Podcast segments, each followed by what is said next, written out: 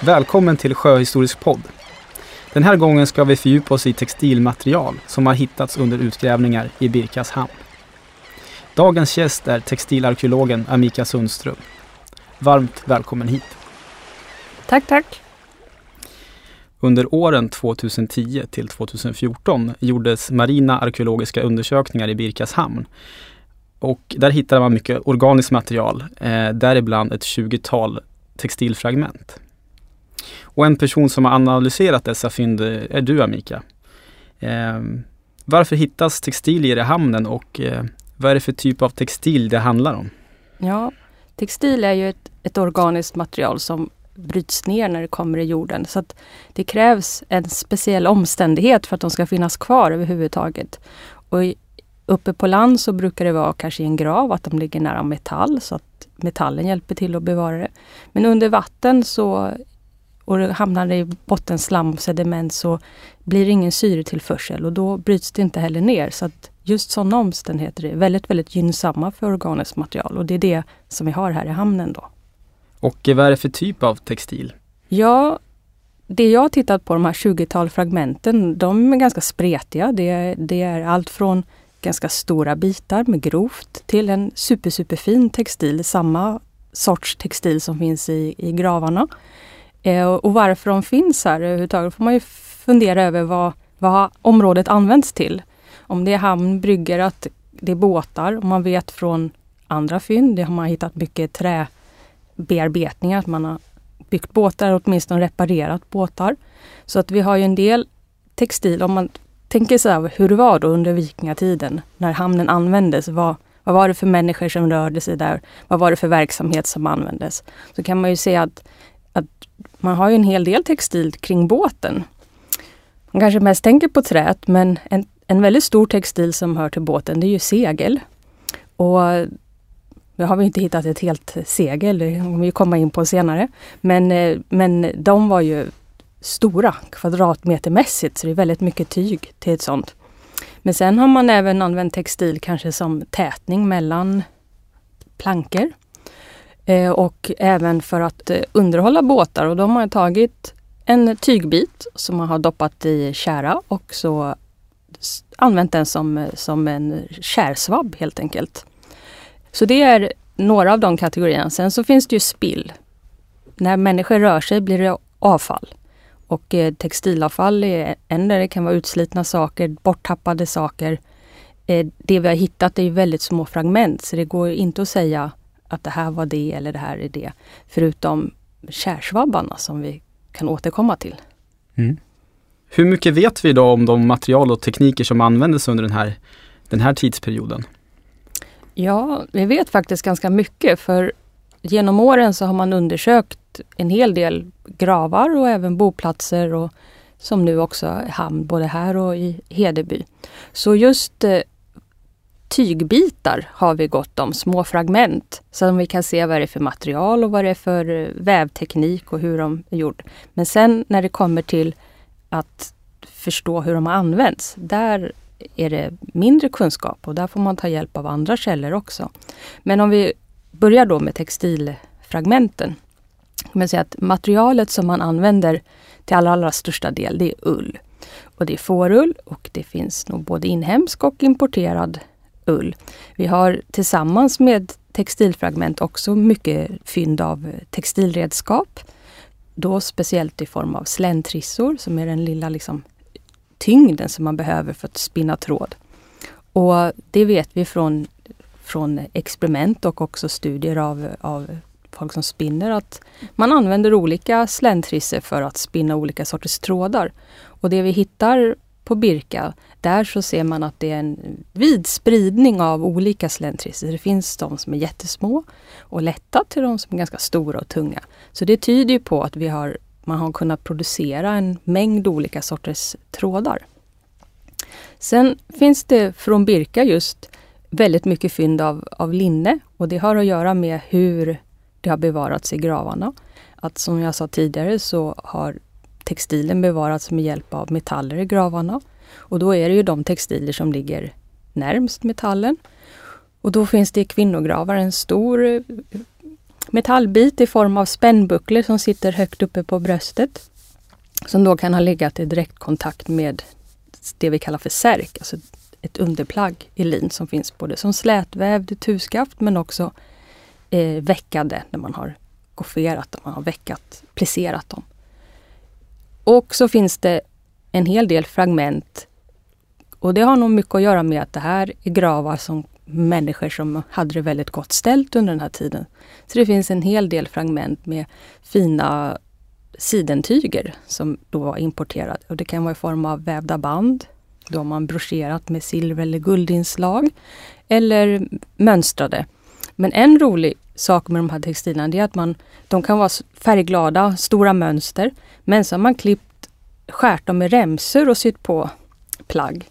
Och det vet vi inte varför. Men man ser väldigt tydligt när man tittar på vissa fragment att de har en skarp skuren kant. Det har liksom inte blivit det i graven utan det är något som var medvetet gjort.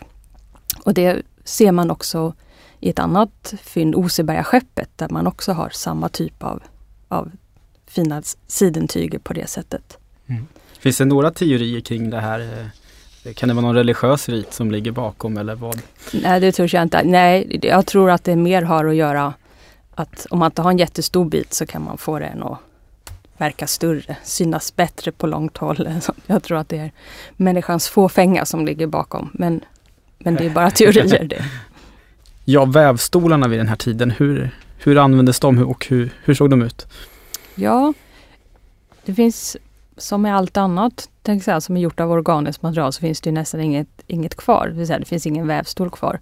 Men en del av vävstolen var gjord av, av kanske lera och det var tyngderna. Och så vet vi då att, att vävstolen var en varptyngd vävstol, det vill säga att man hade rullat upp. Eller ofta så förberedde man varpen kanske genom att man vävde ett band och så drog man ut långa trådar som blev då varptrådarna i den nya väven. Det kunde man göra på olika sätt. Poängen med det var ju helt enkelt att man skulle förbereda varpen, att man fick ut de trådarna som man behövde i varpen. Och här kan vi se att, att textilierna överlag är oftast lite tätare i varpen än vad det är i inslaget. Och det har med vävstolens konstruktion att göra. Det går att väva tvärtom, men det är lite enklare tycker jag utifrån de experiment jag har testat. Men där får ju andra som har andra erfarenheter säga vad de tycker också. Men vi kan ändå se att varparna oftast är tätare. Och då har man spänt upp dem högt uppe då på en bom som blir som en tygbom. Där kan man sedan rulla upp det vävda och så hänger varptrådarna rakt ner med tyngder. Och sen så solvar man in vad vi kallar för halvskaft. Man snör en tråd runt varptråden och sen runt en pinne så att när du lyfter ut den så får du ett, ett skäl.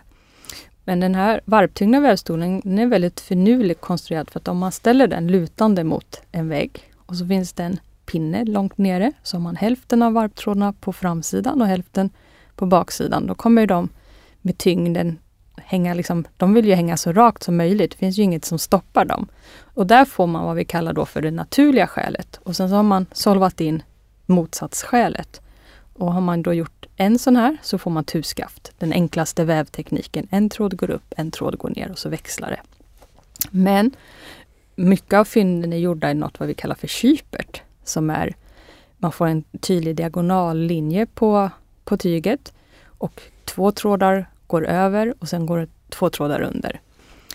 Många försök jag har sett när man gör den här så har man solvat in ett skaft för varje. Det krävs då om man har det naturliga så har man, behöver man ha tre andra skäl för att kunna väva kyperten. Men mycket tyder på ändå att man har solvat de här i par så att man liksom inte lyfter ut två skaft samtidigt då, utan man har bara en i taget som man har eh, solvat in det på. Eh, man kan göra då kypert med en diagonal linje, vill säga omönstrat bara i sin mm, grundutseende. Men under vikingatiden så var det väldigt populärt med vad vi kallar för diamantkypert. Och då har man utnyttjat den här kypertdiagonalen genom att vända på den. Om du vänder den åt ett håll så får du som ett zigzag. Men om du också vänder den, om du har vänt den både i varp och inslagsriktningen så får du som en romb. Och det kallas för diam bindningen kallas för diamantkypert för att om du gör den här eh, med ungefär lika många varptrådar som inslagstrådar, då blir den, ser den ut som en liten diamant.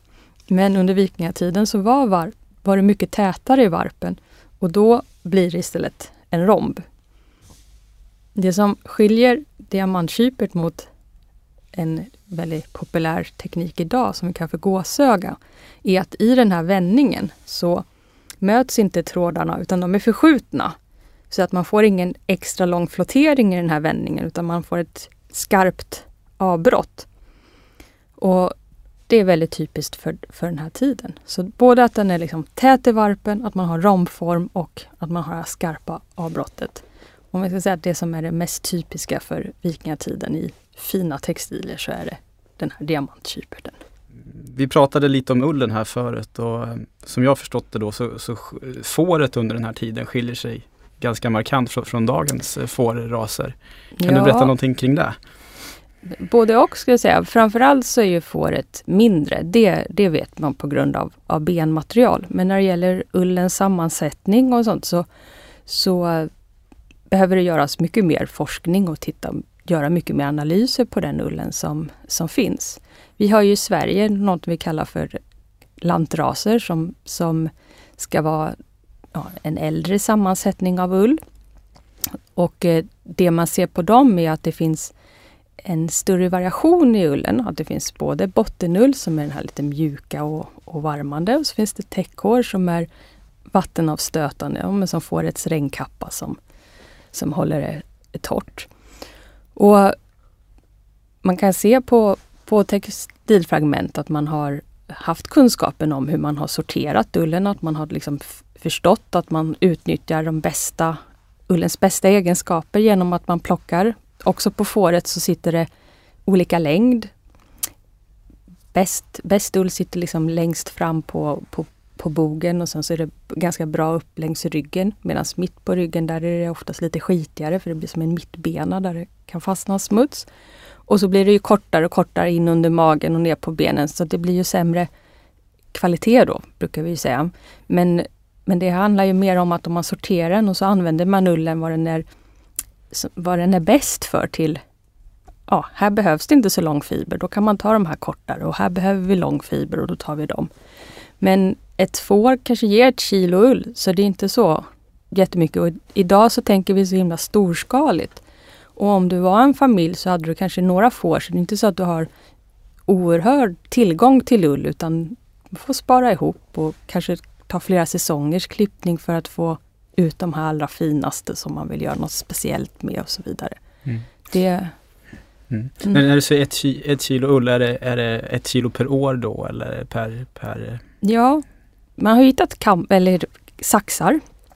Och vi vet ju från, från tidigt att håret egentligen släpper sin ull själv. Att det är ju som hundar och katter, att man har vinterpäls och nu man släpper den. Men då gör den ju det bara en gång om året. Men sen kom ju människan på att om man klipper fåret istället så har man ju större kontroll över, över fällen och ullen och att man slipper springa runt i hagen och leta efter de fällda fibrerna. Fast egentligen är det så att när den börjar fälla så, så om man är där och passar så kan man liksom rycka av den. Så att det, det blir lite överdrivet, det vill säga att man behöver springa runt och leta. Men man, om man klipper så kan man ju styra det mer själv också om man har många så, så vidare. Och då börjar man också kunna klippa fåret två, idag klipper vi fåret två gånger om året. Man gör det innan man ska stalla dem. Men om de ska gå ute hela vintern så kan du inte klippa dem innan vintern för då behöver den ju sin päls. Så jag tror att det är rimligt att tänka att man klippte fåren, alltså att man tog hand om mullen en gång om året. Mm. Och då, då är det ett, ett, kilo. Men då är den ju också lite längre. Kan man säga. Klipper man oftare så är den lite kortare. Och efter man hade tagit hand om ullen, då var det ju arbetet med spinningen. Ja. Hur, hur, eh, hur gick den till då? Ja, först så får man eh, tvätta ullen. Jag brukar säga till studenterna att allt gult är precis det man tror att det är. Så det är inte helt fräscht, man får, får tvätta den. Eh, och, då, och så efter det, så när man har torkat den, så behöver man eh, förbereda den för spinning. Man behöver få upp, liksom, det är lite hopfiltat, så man behöver separera fibrerna från varandra så att de löper lätt när man spinner. Och då finns det två sätt. Man, eh, idag så kallar vi det för kamning eller för, för kardning. Och redan från järnåldern så har man hittat järntenar som man tolkar just som ullkammar. Som är då en jättegrov kam, kan man säga, man har två stycken. Och så separerar man fibrerna genom dem. Och så drar man ut fibrerna, då får man ganska pulveriserade fiber. Kardan, den vet vi inte att den kommer från senare under medeltiden. Men man, då lägger fibrerna lite mer huller om buller i det här. Man får ett fluffigare garn. Tänk stickad tröja, att man vill ha varmt och lite tjockt. Och den typen av, av eh, kvalitet snarlik kan man väl säga finns ju under vikingatiden också. Men eh, man kan ju alltid röra till fibrerna. Det är svårare att få dem och lägga parallella. Så när man har fått ut då, som man kan kalla det för sitt eh, förgarn, man har förberett fibrerna. Då tar man då en, en släntrissa. Det består av en ten med en tyngd på och den kan sitta under eller uppe beroende på hur du ska spinna. Och här finns det inte ett sätt utan man kan säga att det är, alla har sitt sätt att spinna. Men vi brukar säga att om man antingen så spinner man medsos eller motsos så får man en S eller Z diagonal. Och på vikingatiden så finns det inget system med det vad, vad vi kan se riktigt utan man har under senare under medeltiden så blir det liksom mera uppstyrt så att man kanske har Z i varpen och S som inslag. Men Z är väl det vanligaste även under vikingatiden men att det förekommer både och. och. Vi kallar alltså då den här diagonalriktningen som blir på tråden för Z eller S-diagonal. Och beroende på då hur stor tyngd du har, hur långa fibrer det är, hur mycket du matar ut så får du olika tjocka trådar och också hur mycket snodd du lägger på den. Och generellt sett så kan man säga att man vill ha lite högre snodd i varpen för att den ska hålla för den belastningen som blir när du väver. Medan inslaget kan då vara lite mjukare och fylla lite mer så att det blir tätt eller kompakt. Sen har ju ullen fantastisk egenskap i form av att man kan eh, valka den. Man kan få den att, att, krympa så att det blir tätare. Och Det här är någonting som vi ser att de har använt också. Det är inte så hårt valkat som om vi går och köper ett yltyg idag som, som är valkat. Men alla tyger har någon form av behandling. Man har tvättat mer eller mindre för att få dem att, att krympa ihop. Mm. Spinningen var ju det största momentet i textilframställningen. Det var väldigt stort arbetssätt. Under senare historien så vet vi att det krävdes kanske sju spinnare för att underhålla en vävare. Så att där någonstans är Så man kan tänka sig att man har lärt sig spinna som pytteliten och jag tror inte att det här var könsuppdelat utan jag tror att alla lärde sig det. Men sen kanske det var några som fortsatte med det i större, större utsträckning. Men man har spunnit när, när man har varit ledig. Eller det var ju ett arbete så man var inte ledig. Men alltså, alla stunder när man inte var tvungen att göra någonting annat så har man spunnit. Ja, om, om man kollar på människorna under den här tiden, hur, hur, tror du Amika att en man och kvinna och barn var, var klädda en vanlig dag på Birka? Beroende på vinter eller, ja. eller sommar? Ja, eh, det är ju en väldigt bra fråga och det är ju kanske en av de frågorna som man får oftast när man sysslar med textil och vikingatiden. Hur, hur såg kläderna ut? Och då vill jag gå tillbaks till det som jag sa tidigare att vi har mycket kunskap om hur, hur textilierna såg ut, vad det var för, för tyger som man har använt. Och sen så har vi också hjälp av från gravar där, där man har gjort liksom teckningar över hur, hur tygerna har varit placerade i gravarna. Och också i kombination då med smycken och spännen och så vidare så man kan få liksom, mer om funktion och se att det, det vi vet bestämt är att det har varit lager på lager. Men det finns inga hela plagg riktigt utan det finns, det finns en ärm i Hedeby, det finns också en sida i Hedeby, Birka har vi mera små, små fragment. Så det här är ett väldigt delikat pussel som det kommer lite nya idéer om hela tiden. Sen har vi också det med vad, vad säger det som ligger i graven? Är det en representativ bild? Var det så man gick runt till vardags eller är det här äh, så som man kläddes till döden eller är det, motsvarar det liksom en, en festklädsel eller mm. så vidare. Eh, om man tittar på, börjar med kvinnodräkten då, så i gravarna så, på Birka så finns det väldigt mycket spännbucklor. Och då tänker man att de hör ihop med vad vi kallar för en hängselkjol som egentligen då, som jag ser det, är från perioden innan så hade man en peplos, alltså som en tub som satt med spännen på axlarna. Och här har tuben fått liksom åka ner och så har det blivit ett hängsle istället. Så en, en hängselklänning är väl ett bättre. Men det här hängslet det var oftast i lin. Kan vara i andra material också, så det var inte så markerat. Det var inte så att det syntes tydligt att det var ett, ett hängsle. Modellen på den här den har diskuterats i olika varianter och det ska vi inte gå så in på för det är svårt att förklara i ord bara. Det är bättre att titta på bilder och, och teckningar. Men eh, under den så hade man ju då en, eh, en linnesärk. Man vet från olika gravar också att ibland så kunde man ha en som en klänning under i ull eller siden. Eller att den var dekorerad med sidentyg, kanske inte var hela utan just en bröstlapp eller så vidare där, där det syntes. Och utanpå det här så kunde man också ha en öppen kjortel eller en, som en, en tunika på. Så det var lager på lager. Och beroende på årstid så kan man säga att man hade olika många lager och olika tjocklek på tygen och att när det blev vinter så kom nog päls och mer av liksom värmande textilier in. Eh, mannen, det är också ett lager på lager. Om man börjar under så man har en, en linneskjorta och sen så har man en, en kjortel som är man, alla mönster som, som vi vet från vikingatiden så kan man säga att man utgår från raka stycken. Och sen så gör man dem vidare med form av kilar. Eh, så att en kjortel är då som en axelbred stycke och så har man satt in kilar i sidan och kanske ibland också mitt fram för att få lite större vidd. Och den här vet vi inte exakt längden men jag tänker mig någonstans mitt på låret kanske. Och under det så hade man en form av byxa. Och det är egentligen som två rör och så har man satt ihop det med en kil i grenen och en lapp i rumpan så att man får ihop det. Så man har inte riktigt den här byxkonstruktionen som vi har idag när man skär det i ett, ett stycke. Mantlar och även kaftaner finns det också fynd av som är ett ytterplagg då, eller ett lager på lager plagg.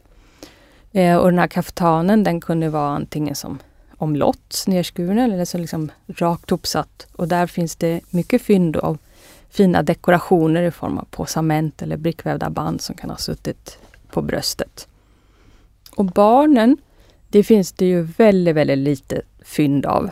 Och inte heller i gravar eller någonting sånt. Men om man tittar på andra kulturer, andra länder, så vet man att barn oftast var oavsett om det var en pojke eller flicka, var ganska likartat klädd i liksom en lång kjortel eller klänning. Och sen när de blev, blev större, så om det var en pojke så var det liksom en miniatyrman och var det en flicka så blev det en. Och när det här sker, det vet vi inte exakt under vikingatiden, men under medeltiden så är det kanske när man är fem, sex, sju år. Och att klä sig på det sättet, det, det lever ju kvar länge, länge i vårt samhälle. Att man, först är det lindebarn och sen så blir det koltbarn och sen, sen blir det en minivuxen. Att man mm. går direkt, direkt på det. Det är en jätteintressant eh, forskning och observation att, att, man, eh, att man på den här tiden inte så, så eh, tydligt delade upp eh, eh, pojkar och flickor i, i könsstereotypa roller som man, som man kanske gör tidigare idag. Ja, i, idag så är det ju nästan det första man frågar sig, vad blev det? Om man inte säger det utan bara pratar om det som barn eller bebis så blir folk lite oroliga att man vill, vill gärna, gärna veta. Så det, det är intressant. Sen kanske det fanns andra saker som man vet från 1800-talet att även om det var koltbarn så hade man gjort olika skärningar på, på mössan. Så kunde man se om det var en flicka eller pojke. Men det kan man inte heller föra rakt tillbaks i. Man ska ju alltid vara lite försiktig över att lägga på tolkningar i, på andra, andra tider utifrån sin egen tid. Så det, det är intressant. Man vet inte om det var viktigt eller inte viktigt. Eller det kanske blev viktigt först när barnet var så stort att den hade en, en, en roll att fylla i, i, mm. i samhället eller så vidare. Men de här kläderna som vi har pratat om. Mm. Eh, om, man, om man tänker färgmässigt, hur såg det ut då? Var det färggranna kläder eller var det, var det gråa kläder? Hur, vad, vad vet man om det? Ja, Färgsättningen? Ja, Eh, just, just ur eh, gravmaterialet så, så finns det inte jättemycket, eller man har inte gjort jättemycket tester på det. Överhuvudtaget kan jag säga att, att även om Birka är ett av våra liksom kändisar över, och textilerna, så är forskningen som är gjord på dem ganska gammal. Och idag har man mycket bättre analysmetoder så man skulle kunna göra väldigt mycket mer och få då mycket, mycket nya svar. Men eh, det finns ju det finns en del textilier med, med färg och man har gjort en del analyser och allt är ju växtfärgat av det som har färg. Och då är det framförallt krapp för det röda och vejde för det blå. Och sen så kan man få fram grönt genom att man färgar gult först med vad vi kallar för wow och sen väjde på det. Så gult, grönt, blått och rött. Om man ser att det är färgpaletten och sen så kan man göra en mängd olika nyanser av det. Och då brukar jag tänka så här att den här färgen, både vejde och krapp, det var någonting som man odlade. Så det var ingenting som man kunde gå ut i skogen själv och samla in. Gult däremot, det ger nästan alla sorts löv i skogen. Så att gult kan man alltid färga. Men blått och rött, de färgerna, det är dyrbara pigment som man ja, var eftersträvansvärd och just då mörka kulörer.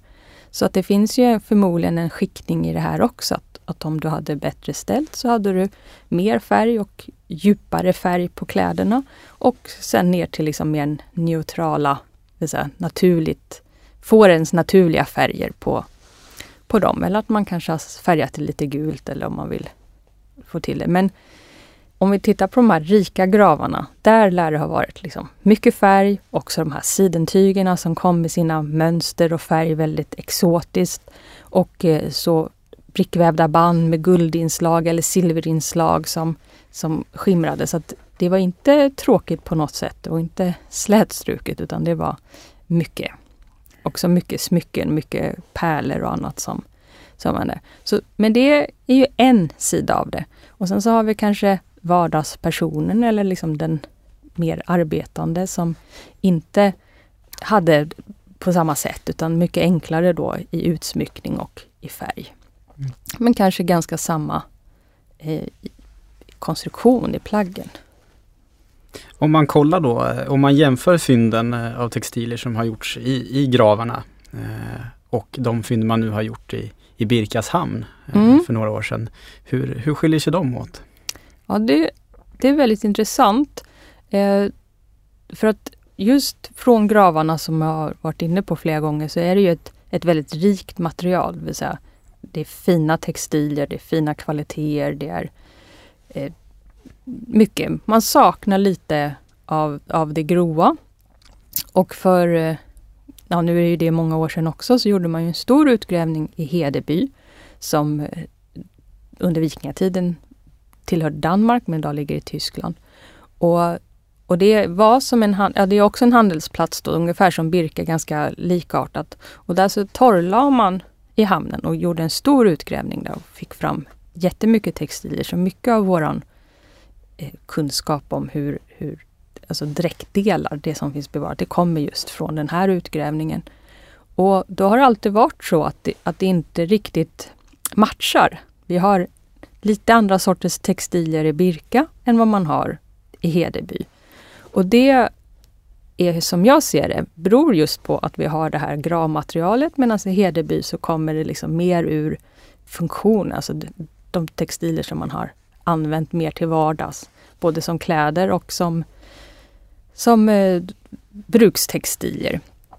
Så att den här utgrävningen då, den fyller lite det glappet nu är inte 20 textilier jättemycket i ett sånt här sammanhang när man vill få ut, liksom kunna göra mycket tolkningar av det. Men ändå så har man en, en, liksom en om vi tittar på alla de textilier då, de här 20, så, så lutar ju de mer åt det grova hållet än åt det fina hållet som gravarna. Så, så för mig så är det här en, liksom en, en missad pusselbit som vi nu har som vi kan liksom använda för att bygga den här bilden av, av den vikingatida människan. Så det är jättespännande. Bland de här fynden i hamnen så var det ju eh, några föremål som eh, fortfarande doftade väldigt eh, starkt efter tusen år i, i ja. vattnet. Vi har nämnt dem lite förut men Ja, det är egentligen två olika sorter. Och det är lite roligt när man analyserar de här textilierna. De ligger fortfarande då i, i vatten, så man tar upp dem. Eh, och det är ju för att de ska bevaras tills de är konserverade. Så när jag tittar på dem så låg de fortfarande i vatten. Och, och så gör jag alltid när jag gör analyser. Man liksom mäter hur stort det är, man räknar hur många trådar det är per centimeter. Man kollar om man kan se vad det är för, för bindning och vad är det för material om det går att se. Eh, åt vilket håll tråden är spunnen. Man gör så här data kan man säga som man tar ut. Men nu må jag lägga till att man också luktade på dem. Och då när man kom lite nära och så luktade så, så ryggar man direkt tillbaks för det var en väldigt, väldigt stark doft.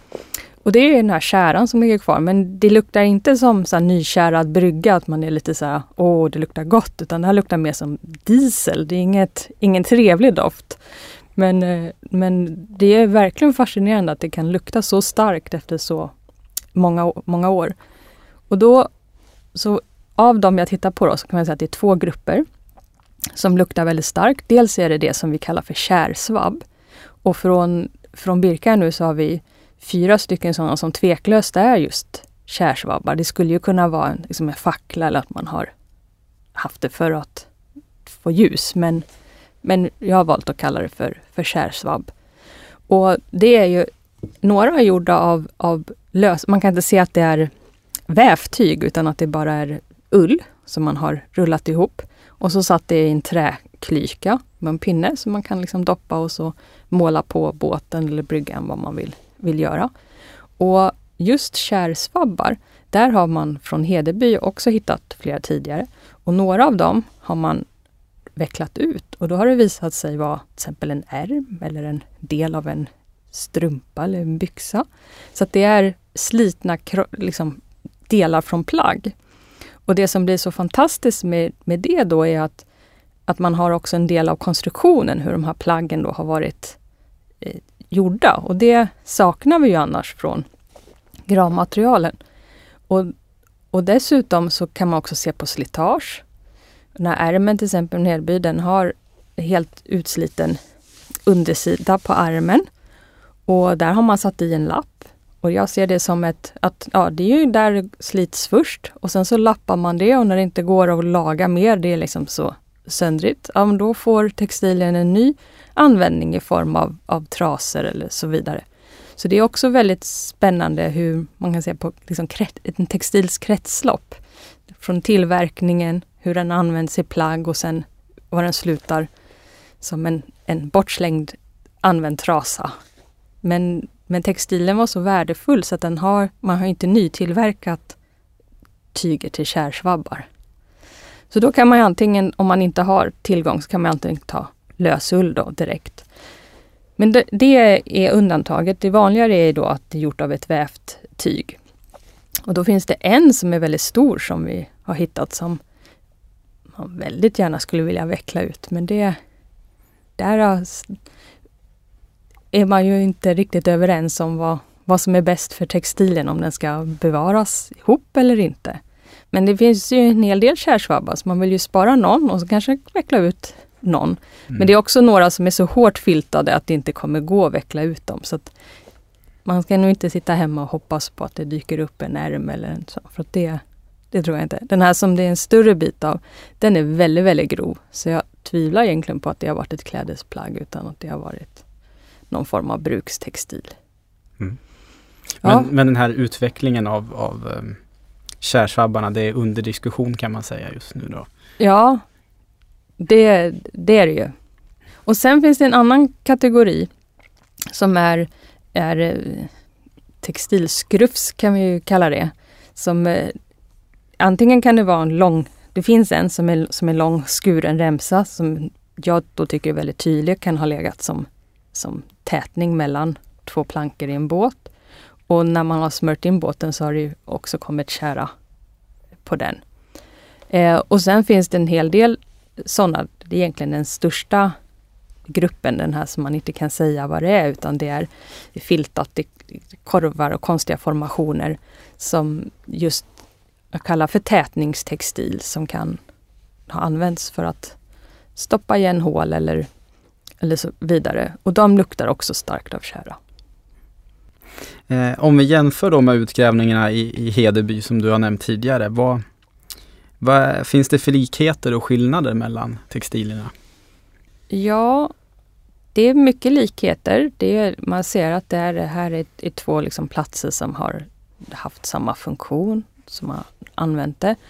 Eh, och kvaliteterna går igen så att det finns jättefina diamantkypratna som finns mycket i Birkas gravar. Det finns också där. Eh, och en sån hittade man här i hamnen också, en sån här diamantkyper. Den kan man ju mer fundera på, så vad gör den i, i hamnen? Ett jättelitet fragment. Och man vet också att från gjutning av spännbucklor, att man använt sådana tyger, då får man ett avtryck av den i. Så att, samma sak där, att utslitna sådana plagg har ju förmodligen levt vidare i form av, av funktionstextil på olika slag. Eh, olikheterna är ju mer det jag varit inne på att det har i Hedeby, så dels så är det mer material. Och när det är mer så får man ju också en, en mera säga, fördjupad bild av, av hur, det, hur det såg ut. Och man har hittat då större plaggdelar så att man behöver egentligen båda de här platserna för att få en väldigt bra bild av hur textilen och dräkterna såg ut, ut på den tiden. Men det har varit då ett större överslag mot, mot liksom mera grovt och vardagligt medan Birka har en, ett större överslag av, av eh, extravagans med väl smyckade dräkter och utsmyckningar och så vidare. Men båda de är ju, hör till samma historia, man säger. Så man behöver båda. Ett fynd som, som gjordes på Birka var kanske lite extra intressant. Eh, det hittades en bit där som, som kanske skulle kunna vara en bit av, av ett segel. Eh, vad tyder på det och vad kan du berätta om vikingarnas segel? Mm. Jo, man vet ju helt säkert att man använt segel till de här båtarna. Men det finns inget segel bevarat, något som man vet helt säkert. Men från eh, Gosta-skeppet och även Oseberga så finns det vissa fragment som man har tolkat som, som segel. Och det som är spännande med båda dem är att de har varit gjorda i ull. Sen finns det ett annat eh, norskt fynd där man i en kyrka hittat som tätning på, alltså som mellanlager under taket, en ganska en lite större bit som man tror är ett återanvänt segel. Och det har man tolkat mest för att den har sydda hål i sig. Och det här är också av ull. Så då har man de senaste åren jobbat utifrån teorin att vikingatidens segel var av, av ull. Och de här bevarade fragmenten, de, de är i, i kypert och är en ganska så inte jättegrov, men mellangrov kvalitet. Och då när jag har tittat på de här fragmenten så blir det ju så att man försöker ju Det blir ju i mitt uppdrag, de säger så här, vad kan du säga om dem? Och då tittar jag på dem och försöker jag para in dem i olika grupper och säga det här är typisk liksom, kvaliteter som vi hittar för kläder och, och den här då biten, det är inte en typisk klädkvalitet, även om det finns den typen av kvalitet. Men vad som framför allt gör att jag tänker att den har haft någon funktion vid en båt, är att den har varit vikt och sen så genom mm, hål, man kan se att det sitter en bit tågvirke kvar i den. Som har varit stucken genom. Så att det är som att den har varit fastsydd runt någonting med, med tågvirke. Och tågvirke hittar du inte i kläder utan det är någonting annat. Så det är det som gör att, att jag tänker så här att om, om någonting av de här fynden som kommer från utgrävningarna skulle kunna vara ett segel så är det, eller en bit av då, vi kan ju säga att det här är ju kanske 20 gånger 7 centimeter stort. Så skulle det vara, vara den, att den kvaliteten passar in då på samma sätt som, som de andra fragmenten som man har tolkat med det. Men båda de här fragmenten från de norska båtarna diskuterar man ju också att det kan vara tältduk. Och med segel och tältduk är förmodligen väldigt, väldigt snarlikt. Så Sen har man ju i i Danmark och Norge, även i Sverige en viss del, gjort mycket experiment med segel. Man har vävt, det finns en kvinna som heter Anna Nörtgård som är väldigt skicklig på att väva på upprättstående vävstol, för det är den typen av vävstol som man använde under vikingatiden. Och hon har jobbat på Vikingaskeppsmuseet i Roskilde under många år med att göra rekonstruktioner av, av segel på olika sätt. Och de har testat både med ull och nu hittade jag en jättefin fin film på Youtube när hon visar hur hon har gjort senaste med ett, ett linnesegel. För att de vill testa nu skillnaden med det och det tycker jag är en, bra. Man, får liksom, man har en tes, man jobbar för den, man testar den men sen behöver man ju göra ett referensmaterial för att riktigt kunna utvärdera resultatet av, av det här andra. Och så länge man inte har säkrare belägg så, så måste det ju vara öppet för att man testar olika. Men om man är intresserad av segel så har det också kommit en, en ny bok precis med festskrift till som har varit väldigt liksom, drivande i, i, i vikingabåt och segelforskningen. Eh, och de har gjort ganska mycket små filmer från Vikingaskeppsmuseet som man kan hitta på, på Youtube som man kan söka på. Men framförallt då, det vi vet om segel är att man tänker sig att det är våder och att de kanske är 70 centimeter breda. Så det är långa våder som man har sytt ihop. Och sen så tänker man sig att man har impregnerat dem på något sätt. Så att det är man testar samma sak där, testar lite olika komponenter av, av vad, det, vad det kan ha varit. Och varför är ju för att man vill att, att ullen motstår ju vatten väldigt bra. Men när det blir blött så blir det liksom jätteblött och väldigt, väldigt tungt. Så man behöver liksom hjälpa den ytterligare på traven och få en motståndskraft mot, mot vätan. Hur stora var de här seglen? Vad, vad, vad, tror man? Ja, de är ju beroende på båten kan man säga. Så att eh, det finns ju sådana som är jättestora, så finns det de som är bara ganska stora. Men alla segel är, är stora. Det är ju ett segel som man har. Och inte liksom många små som det är på moderna båtar utan det är ett, ett råsegel. Och det kan man eh, reva upp och ner beroende på hur mycket det blåser. Men eh, ja, jag har inte siffrorna i huvudet på hur många kvadratmeter det är men, men ett, ett så medelstort skepp så är det åtminstone en, två, tre, fyra, ja det är en sju vådor som det är, är gjort i. Så det är, det är en stor, stor produktion. Och troligen är det ju så att, att det är inget som en familj kunde få fram på ett år själva utan antingen så har man gått ihop eller så har man sparat ihop ull eller bytt, bytt till sig på olika sätt för att få ihop materialet till att, att göra det. För att det är en, det är en stor arbetsinsats. Från, från historisk tid så vet man att ett sånt här segel det håller sen ganska länge om man tar väl hand om det. Så det kan hålla upp i 30 år. Men det är ändå en, en väldigt stor insats att få det och man förstår ju också att ja, med hela båten grej att man är, är rädd om det. Man får akta sig för förlisning och man får ta hand, väl hand om sina, sina saker. Om vi eh, kikar på de här fynden då i, i Birkas hamn. Vad, vad är det mest intressanta Eh, du analyserat? Och eh, om du fick välja, vad skulle du vilja göra mer med materialet? Ja, jag är ju så lätt entusiasmerad så att jag tycker att varje ny låda som jag öppnar, det var liksom det mest intressanta. Och sen öppnar man nästa.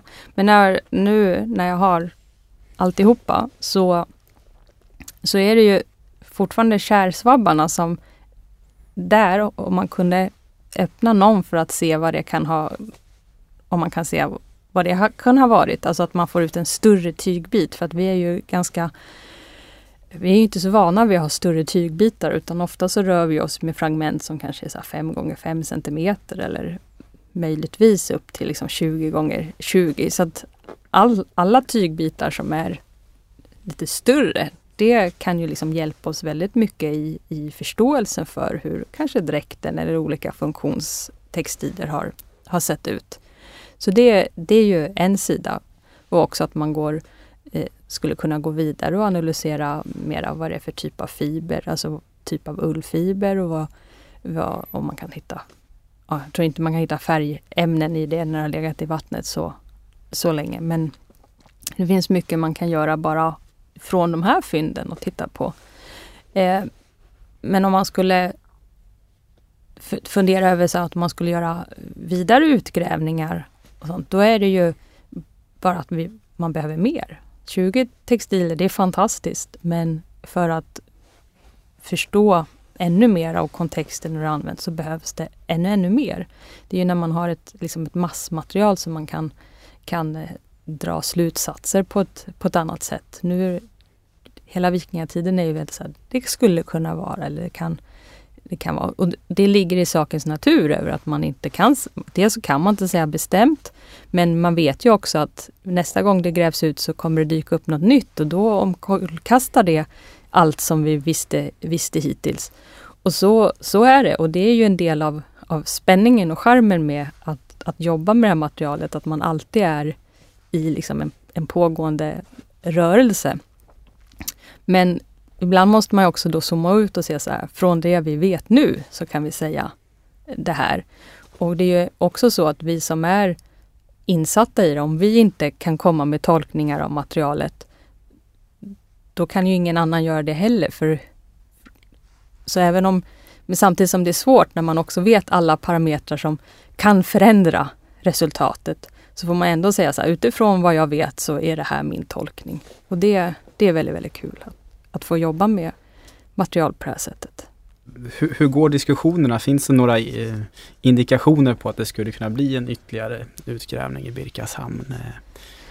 Nu är inte jag en del av det, utan jag är ju in, intagen som, som textilexpert att titta på, på det här. Men den, det vill man väl alltid. Men sen ska ju det finansieras och det ska också tas om hand och att eh, alla de här åren av utgrävningar, att det har genererat ganska mycket material och det är en stor kostnad för museer och för samhället att, att ta hand om det och, och forska på det och så vidare. Så att man ska inte heller gräva bara för att man, att man liksom vet, vill eller kan, utan man måste också se till att det finns resurser för att suga ut kunskap ur det som man har, har gjort. För att all utgrävning är ju också förstörande. Vill säga, har du grävt upp det så finns det inte kvar i den kontexten och då gäller det ju att se till att det också tillsätts resurser för att kunna ta hand om och tolka det som har, har kommit upp.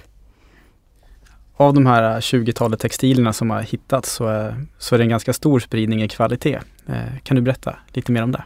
Ja, vi har ju då som en kärsvabb som är jätte, jättegrov där det kanske är 2,5 tråd per centimeter till en, ett fynd av diamantkypert som är nere på 30-40 trådar per centimeter. Och det är ju jättestor skillnad både i hur man har spunnit, alltså förberett vilken ull det är, hur man har förberett den, hur man har spunnit den och hur man sen har, har vävt den. Så det visar ju på en, en stor spridning och stor kunskap om, om textilhantering. Nu är båda de här ytterligheter och på Birka uppe i i gravarna så finns det sådana kvaliteter där man är uppe på 50 trådar per centimeter så det finns extremt fina kvaliteter. Eh, och som jag sa tidigare så saknas de här jättegrova i, i gravarna. Men majoriteten av textilier de ligger ju på mellan liksom 5 och, eh, och 12-13 trådar per centimeter.